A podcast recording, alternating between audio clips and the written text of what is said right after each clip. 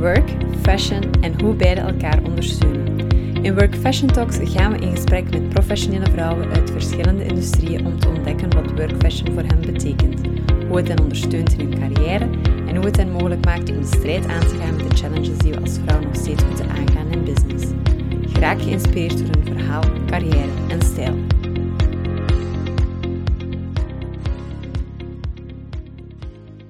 Hallo allemaal en welkom bij een nieuwe episode van Work Fashion Talks. Vorige week zat ik samen met Elke Kramer. Vandaag zit ik samen met de andere powervrouw en co-founder van Clucity, Rijn Merten. Toen school haar niet de uitdaging gaf die ze zocht, besloot ze haar vijfde en zesde middelbaar in Latijn-moderne talen via zelfstudie af te ronden in slechts vier maanden. Daarna vertrok ze op 17-jarige leeftijd naar Zuid-Amerika om Spaans te leren en de wereld en zichzelf te leren kennen. Na haar opleiding Idea en Innovation Management startte ze haar carrière als digital marketeer in diverse bedrijven, waaronder Swivo en Geosquare.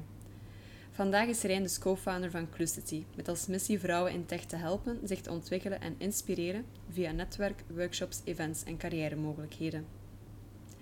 Rijn is gepassioneerd over innovatie, tech en wetenschap en ook kleding mag aan het lijstje toegevoegd worden. Haar passie voor mode en technologie bracht ze samen in een digitale kledingkast, waar we het in deze episode ook zeker over gaan hebben. Dag Rijn, welkom bij Work Fashion Talks. Hallo, dag Lin. Zoals ik in de introductie al kort heb geschetst, uh, ben je professionele leven wel op een unieke manier gestart.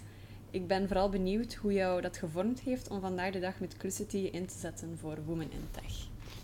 Um, wel, ja, ik ben eigenlijk sinds, sinds jongs af aan altijd een beetje een, uh, een rebel geweest. En um, mij inzetten voor, voor vrouwen en eigenlijk alles wat gaat ga over gelijke kansen of een beetje meer eerlijkheid in de wereld een beetje beter maken. Um, dat zijn dingen waar dat ik mijn leven en mijn energie gewoon graag insteek. dat is een, een interesse voor ethiek die ik altijd al heb gehad dat vertaalt zich ook in mode. Dus de ethische mode, daar zullen we misschien zo nog over hebben. Uh, maar dat vertaalt zich ook naar gelijke kansen voor, voor gender en uh, ja, andere groepen natuurlijk. Want diversiteit is een, een breed thema. Met Clucity spitsen we specifiek toe op vrouwen. Um, maar dat betekent natuurlijk niet dat de andere groepen die misschien nog meer um, gerepresenteerd moeten worden, mij, niet, niks doen. Um, dus um, toen we met Clucity begonnen, daarvoor had ik ook al een stage gedaan bij uh, de Straffe Madame van Elke Jurissen. En daar was ik voor het eerst in contact gekomen met um, hoe dat vrouwen zich professioneel ontwikkelen en hoe dat, dat eigenlijk uh, anders is dan mannen. En welke struikelblokken of welke hordes dat die tegenkomen, of hoe dat de professionele wereld eigenlijk is afgestemd meer op een, op een mannelijk perspectief. En, um, en toen heeft mij dat al getriggerd. En toen dat Elke dan afkwam met haar idee van Inspiring 50 en later ook Lucity, ja, dan was ik gewoon direct mee aan het denken en, en mee aan het oplossingen zoeken en aan het onderzoeken en zo. Dus op die manier is dat eigenlijk een beetje organisch op mijn pad gekomen ook. Oké, mooi. Um, ja, ook een vraag die uh, steeds wel terugkomt in deze podcast, aangezien we het over uh, work fashion hebben. Mhm. Hoe zou jij enerzijds in het algemeen en anderzijds voor jezelf work fashion omschrijven? Um, wel, algemeen heel simpel. De kleren dat je draagt naar je werk. En zeker meer in een, een uh, business setting of zo. Um, en voor mezelf is dat een, een tool voornamelijk. Allee, ik heb wel iets met fashion altijd gehad. Dus ik, uh, ik heb me altijd heel graag aangekleed. Ik heb altijd heel graag gekeken hoe de andere mensen zich kleden. Um, en voor mezelf is dat een manier van mezelf uit te drukken. Uh, om een reactie uit te lokken bij de personen tegenover wie ik zit. Ehm, maar ook om me goed te voelen en mezelf zeker te voelen. Um, comfort is daarbij ook super belangrijk. Dus ik zal nooit iets aandoen dat een beetje te hard spant op mijn buik of weet ik veel. Dus dat is wel altijd het, nummer één belangrijkste um, eigenschap dat, dat mijn kleren moeten hebben. Maar langs de andere kant gebruik ik het ook gewoon om bijvoorbeeld iets serieuzer over te komen. Of juist iets aaibaarder. Als, ik, als ik toegankelijker wil uitzien, zal ik eerder een, een zachte trui of zo aandoen. Dus ik gebruik het wel um, heel bewust om, om mezelf uit te drukken en om dus een, uh, een effect te, te creëren dat ik eigenlijk wil voor die dag afhankelijk van wat ik ben aan het doen. Oké, interessant. Um, is, uh, is je stijl ook geëvolueerd tijdens je carrière? Uh, ja, zeker wel hoor. Um, toen, ik, allee, toen ik net ben begonnen um, met werken, dus dat is ondertussen ja, nog maar 2,5 jaar geleden. dat klinkt zo kort. Ik ben uh, een kleine baby in de professionele wereld. Maar um, toen had ik gewoon geen idee van wat de norm was of, of hoe dat je je normaal gezien kleedt. Dus, um, hoe heb je dat dan aangepakt in het begin? Ja, toen dat ik ja, op kantoor kwam, om te beginnen, dus, allez, sollicitatiegesprek was het eerste ding, uh, keek ik gewoon ook wat andere mensen aan hadden. Dus zo simpel was het van, oké, hoe formeel of hoe informeel kleden de mhm. mensen zich hier? En daar probeerde ik mij dan een beetje op af te stemmen. Um, en ik merkte gewoon, ja, bij Kronos gaat dat heel, allee, zijn, die, zijn die extremen heel ver uit elkaar. Je hebt mensen die hier een, een, een, uh, een korte jeansrok rondlopen en andere mensen die hier in een, in een volledig zwart pak, black tie rondlopen. Maar er zijn niet echt, er zijn niet echt regels of zo rond. Dus iedereen doet gewoon een beetje waar dat hij zin in heeft. En dat was voor mij ook wel die vrijheid dat ik hier heb gevonden. Um, je kunt gewoon aandoen wat je wilt, waar dat je zin in hebt. En uh, voor mij was altijd iets tussenin. Niet te formeel, maar ook niet te informeel dat ik mij underdressed zou voelen. In het begin ging je dan wel meer naar dat formele om, om de instap te maken? Of? Nee, eigenlijk juist niet. Ik denk in het begin kleedde ik mij eerder meer informeel, omdat ik zelf ook nog heel jong was toen. En allee, ik was een student vers van de schoolbanken. En dat was hoe dat ik mij voelde toen. Dus ik kleedde mij ook eerder daarnaar dan de, de beginner, de, de junior die hier binnenstapt. Maar naarmate dat ik mezelf meer en meer allez, zelfzeker voelde in wat ik kon en mijn skills en mijn waarde dat ik voor de bedrijven waar ik werkte kon toevoegen, ben ik mij ook wel meer daarnaar gaan kleden. Um, dus dat kwam een beetje voort uit misschien een onzekerheid ook over mijn vaardigheden en ja, wat kan ik hier nu eigenlijk doen in die bedrijfswereld. Dat ik mij iets, iets minder formeel zou, um, allee, wou kleden. En, um, dat is wel grappig dat je dat zegt, want vaak beginnen uh, velen die net starten in hun carrière meer met het formele, om dan net te benadrukken van ja, ik kan hier wel iets op de, op de tafel brengen en, dan het wel losser doen, maar je hebt het eigenlijk omgekeerd Ja, voor mij, voor mij was het omgekeerd. Ja, ik denk, moest ik mij heel formeel hebben gekleed in het begin, dan zou ik gewoon heel veel last hebben van imposter syndrome en, en, en met, met fake of zo hebben gevoeld. Want ik voelde mij op dat moment nog een een junior jonge student. En ik zag ook natuurlijk in het bedrijf rondom mij de meer junior profielen. Um, die kleden zich gewoon in een, in een jeans en een t-shirt. En allee, dat was zo wat paste bij dat profiel.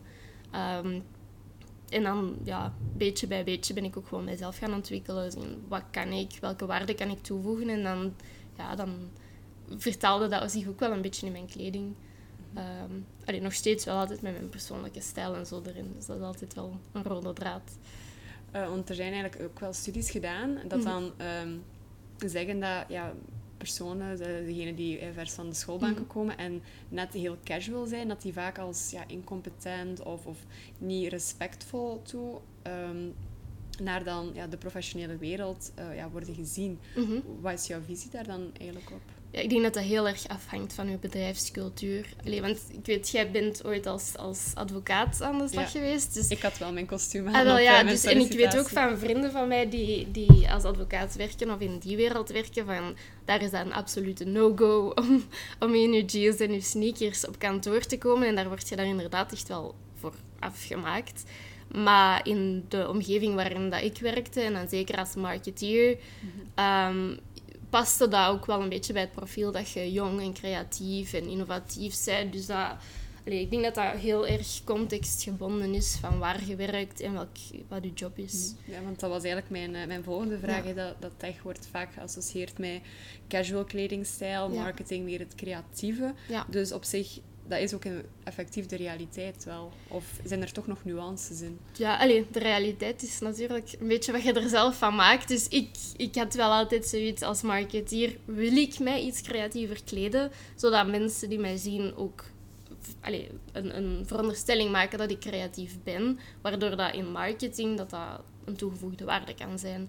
Dus dat is zo een, allee, een, een, eh, een visueuze cirkel misschien, van of dat of dat, dat zo verwacht wordt, of dat marketeers effectief zich creatiever kleden, of dat marketeers zich misschien creatiever kleden, om, allee, opdat mensen denken dat ze creatiever zijn. Um, allee, ik weet niet waar dat het begin was daarvan, maar voor mij was dat zeker gewoon iets van: oké, ehm, ik, ik zit nu in deze rol, ik heb deze skills, creativiteit is heel belangrijk, dus ik leed mij iets creatiever of zo.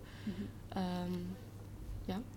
Ja, want je spreekt over veronderstellingen. Is dat toch nog iets wat dat veel, of dat je gemerkt hebt dat dat nog in de professionele omgeving speelt? Veel vaak veronderstellingen maken. eh, Ja, alleen ik denk dat is, dat is iets heel menselijk. En in de professionele wereld is dat natuurlijk niet anders. Dus, ehm allee, ik zelf ook. hè. Iedereen maakt veronderstellingen. Iedereen heeft zijn, zijn unconscious bias, zoals ze dat noemen. Mhm. Daar spreken we vanuit Clucity ook vaak over. Maar dan gaat het over allee, gendergelijkheid. Ehm, dus ja, tuurlijk leeft dat, maar je kunt dat ook naar je hand zetten en je kunt dat ook als iets positiefs gebruiken. Namelijk je op zo'n manier presenteren dat eigenlijk je uiterlijk of de eerste indruk dat je maakt bij andere mensen heel erg aansluit bij wie je bent, of toch tenminste bij hoe dat je gepercipieerd wilt worden.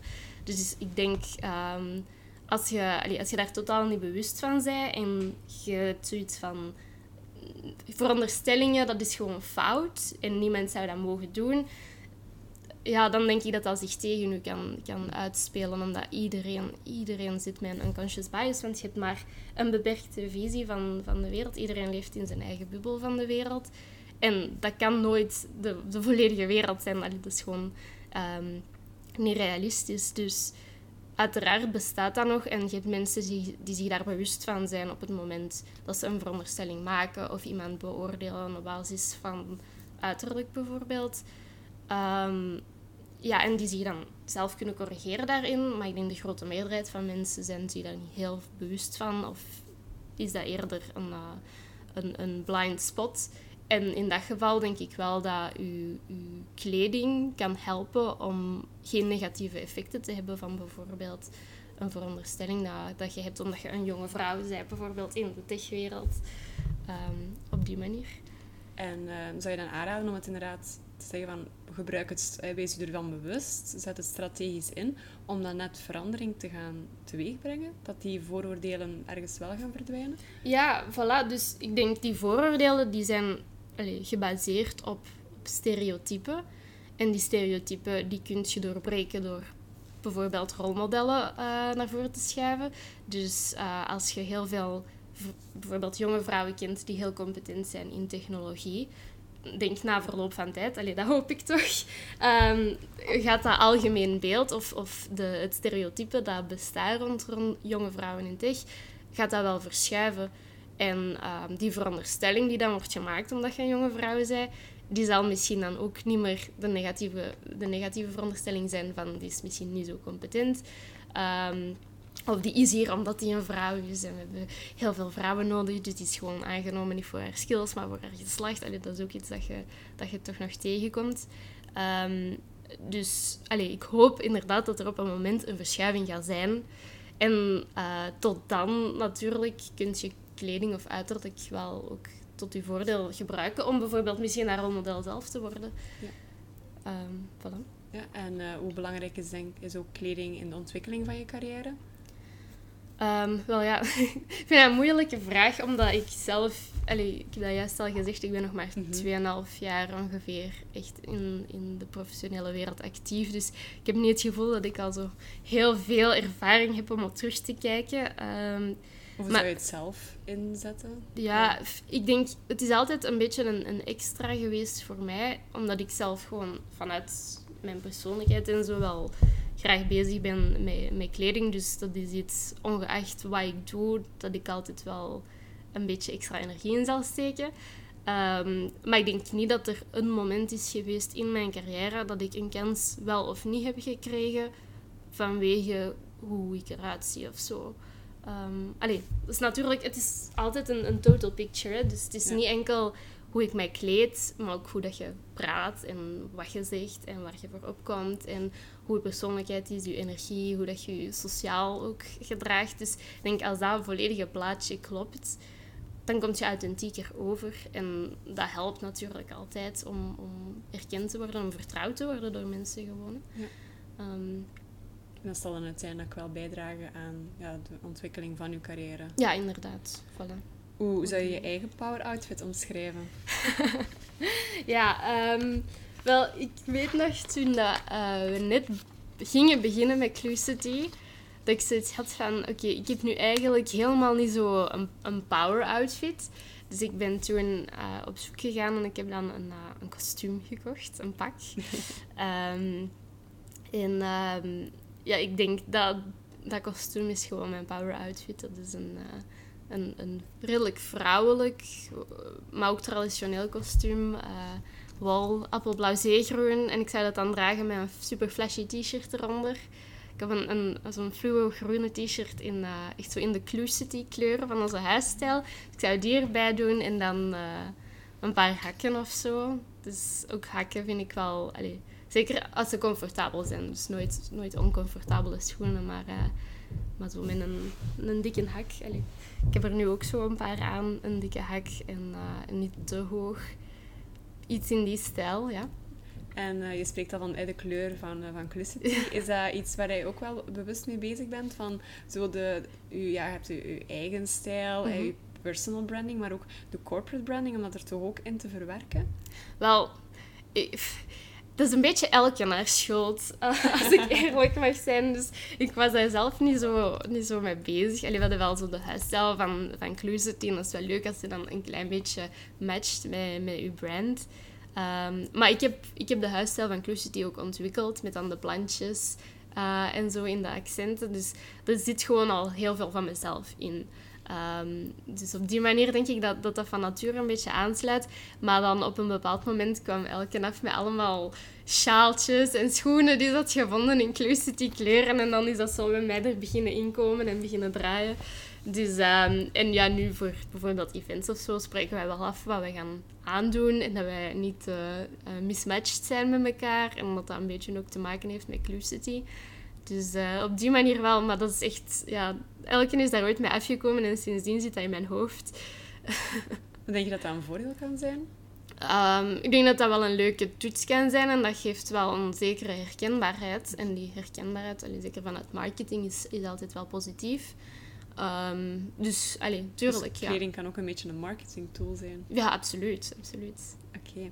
Okay. Uh, kleding in het algemeen, is dat iets dat je vooral voor jezelf doet? Hè? Dus om je, om je goed te voelen, je, uh, voor, eerder voor je carrière, om goed te presteren, of voor anderen om serieus genomen te worden? Of is dat bij u toch echt een, combinatie van? Of, of merk je van het begin van mijn carrière gaat ene factor primeren? Of... Um, wel, ik vind het altijd wel belangrijk om in de eerste plaats je voor jezelf te kleden.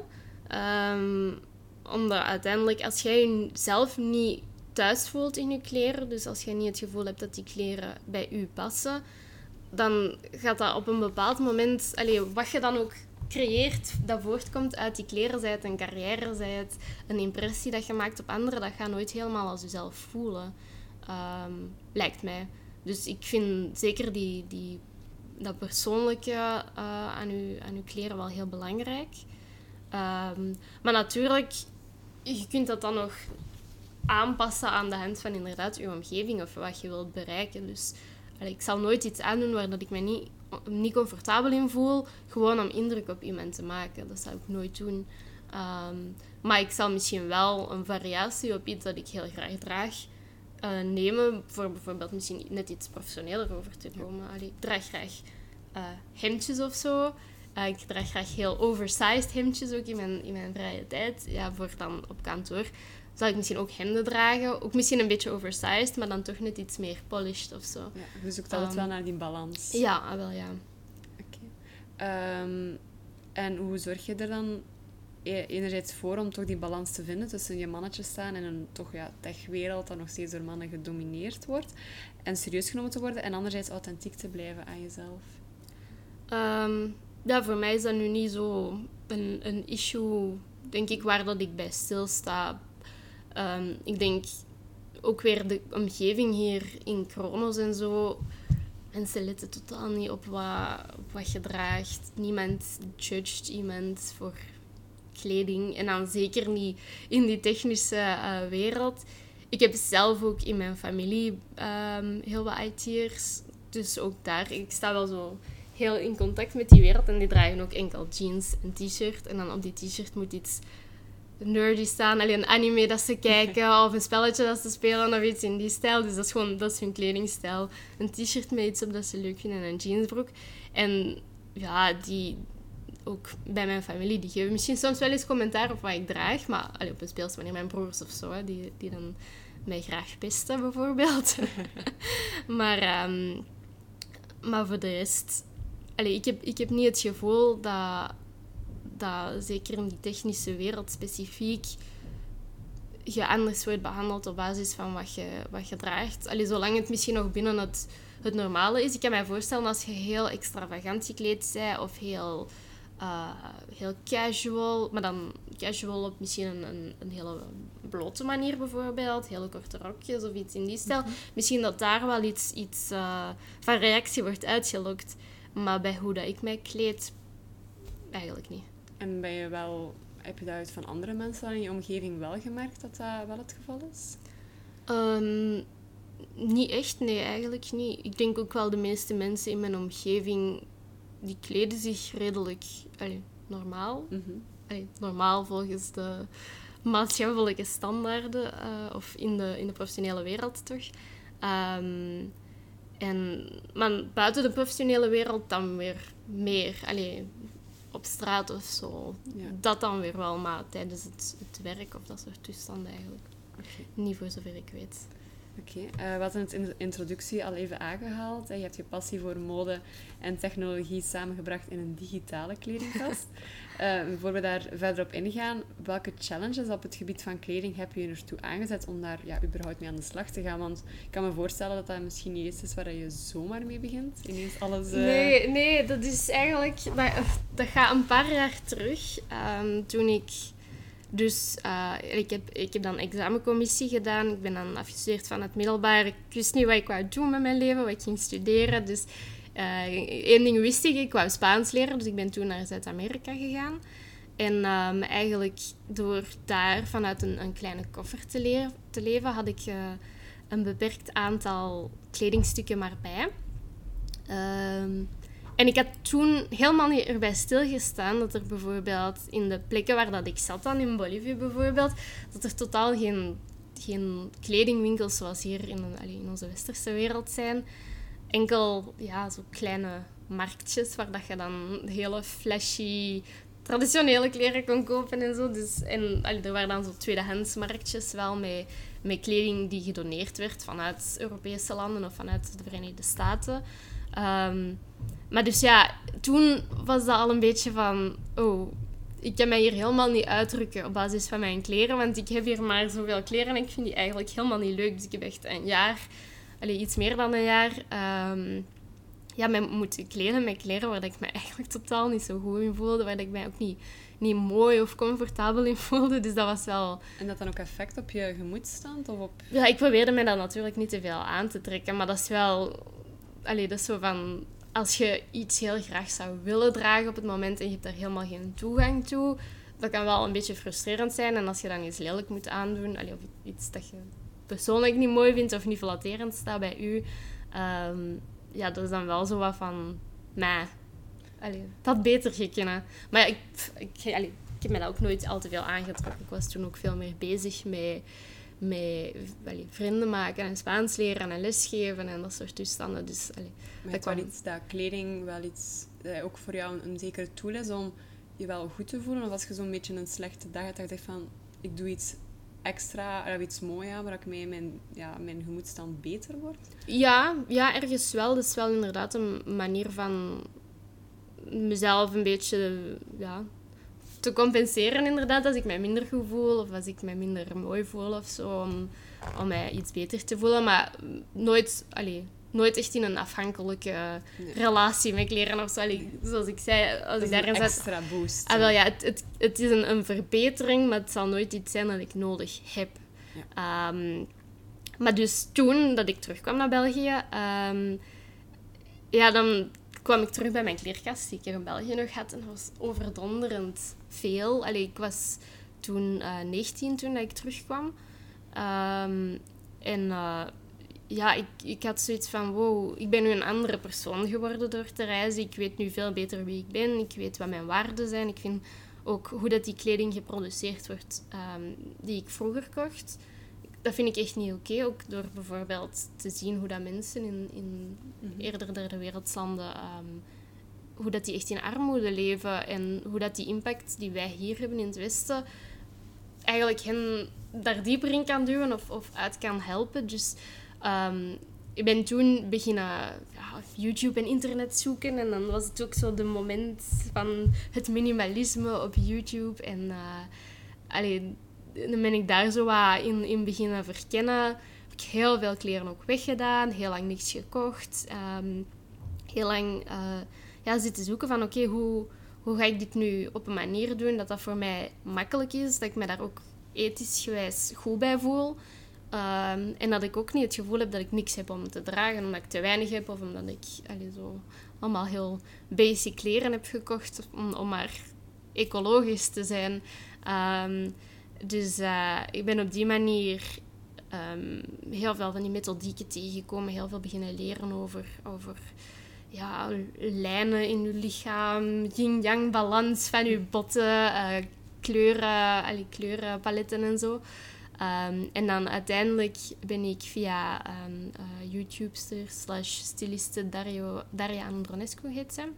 Ehm, zij had een cursus waarin dat zij dus werkt rond interchangeable eh, wardrobes. Dus waarbij alle, bijvoorbeeld alle topjes en alle ehm, onderkanten allemaal bij elkaar passen, waardoor dat je het aantal outfits eigenlijk kunt maximaliseren.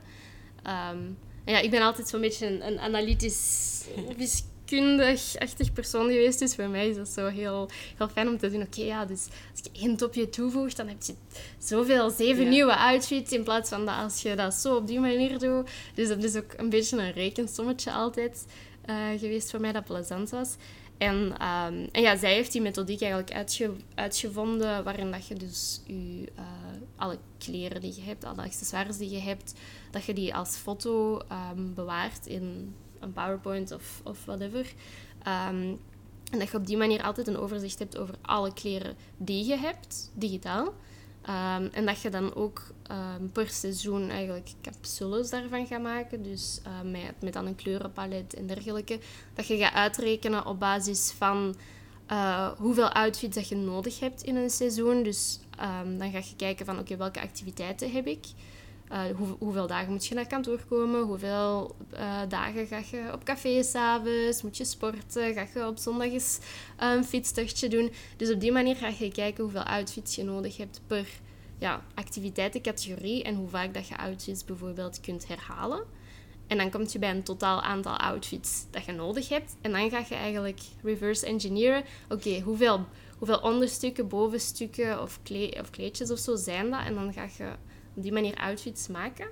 En dat heb ik dus helemaal, helemaal gedaan.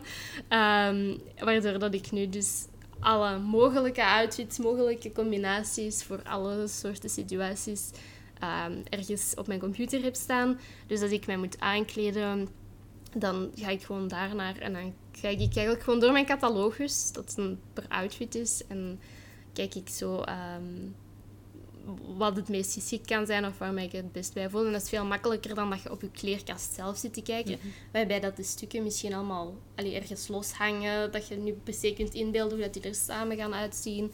En dan zeker als je daar nog accessoires of schoenen aan toevoegt. Allee, dat is veel meer werk mentaal, denk ik. Dat vergt veel meer energie.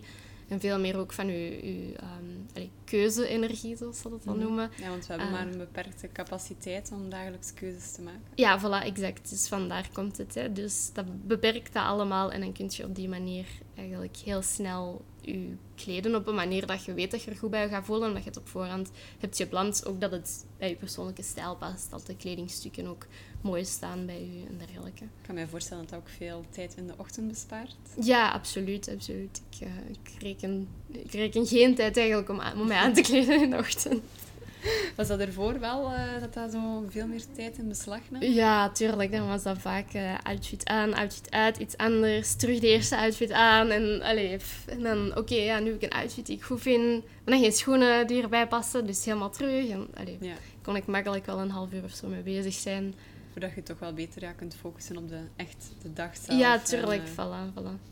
Oké, ehm, juist om af te ronden, ehm, zou ik nog willen vragen: wat is jouw ultieme carrière- en of stijltip die je graag zou willen meedelen?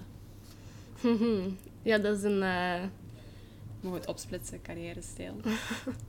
ja, qua stijl zou ik zeggen: ja, probeer jezelf te ontdekken en. en ehm, zeker niet te kijken per se naar andere mensen, want iedereen heeft andere kleuren dat goed staan, andere lijnen dat goed staan. Dus kijk echt naar wat goed staat bij u. En als, als je kunt en het zit binnen je capaciteiten, denk ook eens aan, aan ethiek in je, in uw kleerkast. En dat kan van alles zijn. Hè. Ethiek, dat, kan, dat is niet enkel dat uw kleding uh, ecologisch geproduceerd is, of dat die materialen gerecycleerd of recycleerbaar zijn, of Allee, dat kan ook zijn dat bijvoorbeeld de werkers die dat hebben gemaakt goed betaald worden. Maar dat kan ook zijn dat dat kledingstuk zo kwalitatief en tijdloos is dat je dat zeker tien jaar gaat dragen. Um, het hoeft ook niet allemaal perfect te zijn. Het mag ook één van die dingen zijn. Maar um, dat denk ik van, moest iedereen daar een beetje mee bezig zijn, dan, dan zou de wereld wel een klein beetje beter zijn. Mooi. Um, en ja, carrièreadvies, ik zou zeggen droom groot, stream big en, um, en spreek over je ambities met anderen. Vooral dat, zolang dat je dingen voor jezelf houdt, dan ben je eigenlijk beperkt tot de capaciteit van je, eigen hoofd en je eigen netwerk. Maar als je een idee hebt, of je wilt graag iets doen, of je hebt zin in een project, of je wilt graag ergens, ergens aan deelnemen dat iemand anders is aan het doen, van netwerk en spreek met mensen en spreek je ambities uit en je dromen uit. En dan, allez, worst case komt er niks uit voor, eh, voort. En best case helpt iemand u of weet iemand iemand die... Ja, allee, en dan gaat die, de bal aan het rollen. Ah, wel, en dat is denk ik de manier dat, dat, dat je echt... Allee, dat de meeste successen geboekt worden. Ja, wat zijn jouw ambities nog? Huh, ja, huh. wel, heb je een, uh, nog een half uur. Um, ik, heb, uh, ik heb altijd heel veel toekomstplannen, dus ik, heb, uh, ik ben nu samen met mijn vriend heel erg aan het sparen voor een wereldreis van enkele jaren te doen. Dus wij hopen binnen enkele jaren een, uh, nomadisch bestaan een beetje achterna te jagen. Niet, niet voor altijd, maar toch een paar jaar de wereld verder zien. Zuid-Amerika nu een beetje gezien, maar Azië, Afrika, er zijn nog veel plekken. Um, dus, uh, en daarna een, een plek vinden waar dat wij ons samen ook thuis voelen, waar dat wij ons een huis kunnen bouwen misschien. En um, mijn vriend is ook muzikant en die zit meer in de kunstwereld en zo. En um, ja, misschien ook nog een, een, ambitie die ik ooit heb, is, uh, je hebt zo in Cuba, in Havana, mijn vriend is van Cuba, um, de Fabrica de Arte. Dat is een, een heel grote cultuurtempel misschien op een dag wil ik een, een fabrica de arte ergens anders bouwen. Allee, dat, zou ik echt, dat zou ik echt fantastisch vinden. Dus, maar dat, allee, binnen 10 of 20 jaar misschien. Allee, eerst, eerst wereldreis, dat is, nu, dat is nu stap 1 voor de komende jaren. Oké, mooi. Uh, enorm bedankt Rijn voor dit inspirerende gesprek. Ja, nee, dank je aan, aan u om mij uit te nodigen. Met alle plezier.